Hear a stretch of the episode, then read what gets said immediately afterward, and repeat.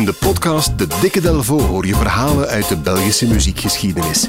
Van Arno tot Sap Mama, van Puerto Rico tot Hollywood aan de Schelde.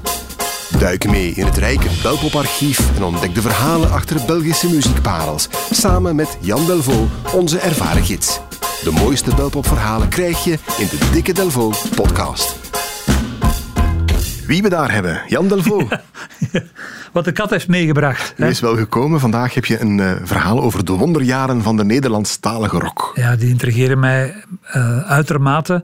Uh, die Nederlandstalige rock werd eigenlijk geboren in twee bewegingen tijdens de jaren 70. Je had in het begin van dat decennium had je de zogenaamde elektrische kleinkunst. Hè. Dat waren toen hè, Verminnen, Raymond, uh, Chris de Bruyne ook die maakte dan ja, goede teksten waar ze dan op rockten. En ja, dat, dat gebeurde niet zonder slag of stoten. Mensen stonden er, hadden zoiets van, oh, dat is veel lawaai. We, we verstaan de woorden niet meer eigenlijk. Ja, ze blikten terug naar Miel Kools bij wijze van spreken. en die vergelijking was, uh, was Eigenlijk was zoals Dylan, de, de, Dylan die elektrisch ging, een beetje daarmee vergelijkbaar, op kleinere schaal weliswaar.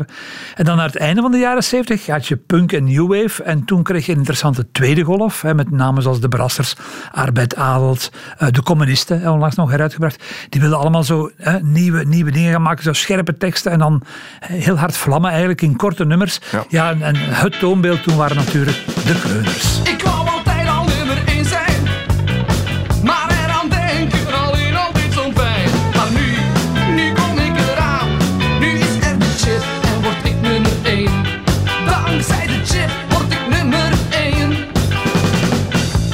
Stukje humor. Je allereerste nummer nummer 1 noemen en ook meteen een voorafname doen op je succes, denk ik. De Kreuners toen, ja, echt een new wave band, hè? Ja, en eigenlijk een ska-nummer, hè. Dat vergeten we vaak, dat dit was eigenlijk ska. En Madness, de special, zat daar helemaal in. Nu, uh, de Kreuners, de groep van Walter Grootaars en nog een aantal verwante zieren uit Lier. Walter was eigenlijk begonnen aanvankelijk met gitarist Ronnie Leijzen met de groep War. Het wordt vaak gelezen als war, maar het is war van verwarring. Ah ja. Dat was ja. een beetje, naar verluid was dat rock cabaret. Zo'n beetje à la Frank Zappa. Ja. Uh, ja, war veranderde zijn naam in rockorgaan. In wat? Rockorgaan. Geweldig. Dat klinkt heel VZW-achtig. Ja. En het werd iets totaal anders toen uh, Walter en zijn vrienden op Jazz Bilze, toen het grote festival eigenlijk, gingen kijken naar Elvis Costello en The Clash. Ah ja. Iets totaal nieuw, punk en new wave. Toen dachten ze van, ja, dat gaan wij ook doen. Maar rockorgaan past daar niet bij, we moeten een andere naam hebben. Iets wat ook een beetje choqueert. En dus werd het de Kreuners. Ah ja. Daar schrok men toen nog van uh, in Vlaanderen. Tijdens de brainstorm kwamen ook een aantal andere namen naar boven, waaronder Tapis Plein, Rust Roest, Deus Ex. Ja. En Arbeid Adelt. Echt? Ja, ja, ja. Dus, ja, ja. Maar Sabantil had, had, had, een andere naam moeten kiezen als Walter had gekozen voor. Hè, voilà. Geweldig. Ja. Nu, uh, de Kreuners nemen in 1978 deel aan Humus Rock Rally. Ze hadden ook de finale. En twee jaar later is er dan het nummer, uh, nummer één en worden ze wereldberoemd in Vlaanderen. Ronnie Leijzen die was toen al weg. Die verdwijnt kort na de deelname aan de Rock Rally. Maar, zoals we ondertussen al weten, Floris, in de Belgische popmuziek gaat weinig of niets verloren. Nee. Hij duikt op, die Ronnie, bij een andere coryfee uh, uit de regio Antwerpen, de scheuren. Je voelt al, hè? Je voelt al een, een Er zit een patroon in, hè? de communisten, de kreuners. Ja, je had ook nog de mensen in die tijd zelfs. Voilà. Het, dat klonk modern, vonden ze toen, vond men toen. Uh, en de scheuren zijn de opvolgers van een, een ander onbekend uh, gebleven fenomeen, blaffetuur. Dat was dan eerder zo'n beetje zoals war waarschijnlijk en rockorgaan. Ze wilden ook iets anders. Ze wilden ook felle, energieke punkrock maken, zoals uh, de andere twee namen. En dat gaan ze dan ook doen. In 1980 uh, brengen ze een cassetje uit met zeven nummers erop om zichzelf aan te prijzen. Het was geen officiële uitgave, maar gewoon iets wat ze zelf met hun spaarcenten uh, hadden opgenomen met een eenvoudige bandopnemer op een avond in november 1979 tussen 6 uur s'avonds en 11 uur s'avonds. Dat is redelijk specifiek wat je daar zegt. Voilà, ja, dat is ook de titel van een cassette. Hè. Een avond in november tussen ah, ja. 18 uur en 23 uur. Geweldig. Voilà, wat erop stond of wat ze gedaan hadden, benoemden ze ook. Uh, en al die nummers werden uh, geschreven door Paul Mertens. En Paul Mertens is Antwerpse rockadel, want hij is al tien jaar na de scheuren deze klassieker schrijven. Poor, stupid and ugly. Poor, stupid and ugly. Can anybody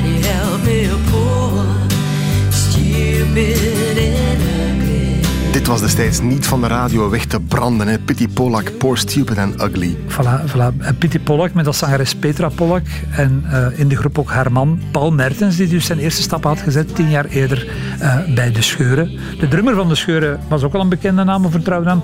Gino Kampenaerts. Die heeft jarenlang bij Guido Belcanto gespeeld. Maar die is ook de vader van wielrenner Victor Kampenaerts. En zijn broer Bob, Bob Kampenaerts, die was in de tijd de drummer van De Communisten. Ja, ik dacht het. En later bij Pity Pollack. Dus voilà. Inteelt à volonté eigenlijk. Ehm, het bewuste cassetje met de lange titel, een avond in november, was bedoeld als lokker richting platenfirma's, maar die happen helaas niet toe. Er is nog wel nog een nummer dat op een compilatie belandt, maar dat was dat eigenlijk. Eh, voilà. Eh, gelukkig Gelukkig zijn er altijd wel weer mensen die die oude dingen terug gaan opgraven. En vorig jaar is er een nummer van De Scheuren alsnog op een compilatie beland. End of the Corridor heet die met eh, post-punk en coldwave uit het begin van de jaren 80 uit eigen land. En dat nummer gaan we nu beluisteren. Het heet uh, Mannekesdier. Van de Scheuren. Geweldig verhaal uit eh, de late jaren 70, vroeg jaren 80, toen ons land de new wave en de punk omarmde. Jan Delvaux, bedankt hè. Graag gedaan hè. De stad vol met meisjes, ze komen heel dichtbij. Je zou ze graag gaan raken, maar jij hoort er niet bij. Ze horen bij een ander, heel knap en struis. Jij bent voor hen niet terug genoeg, een man als het beter thuis.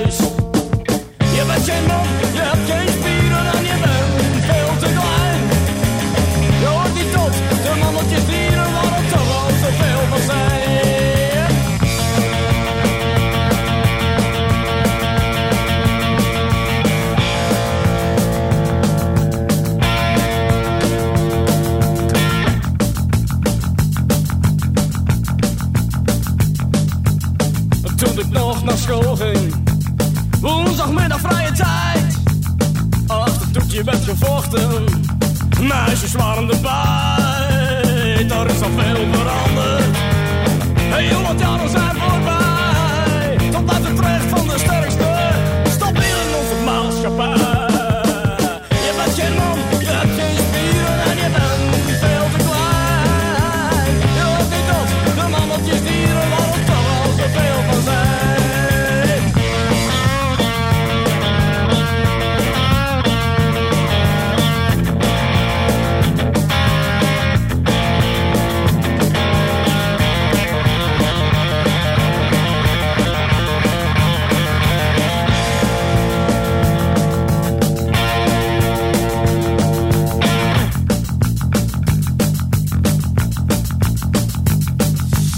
De stad vol met meisjes, ze zitten heel dichtbij.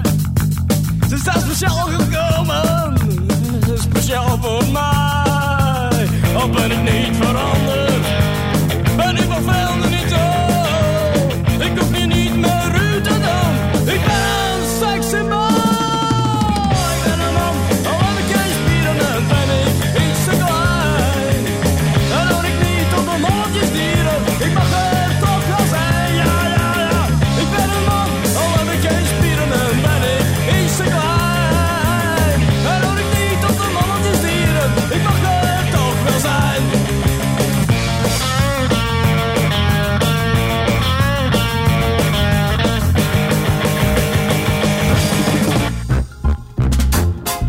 Check zeker ook de andere Belpop-verhalen in een volgende aflevering van de Dikke Delvo.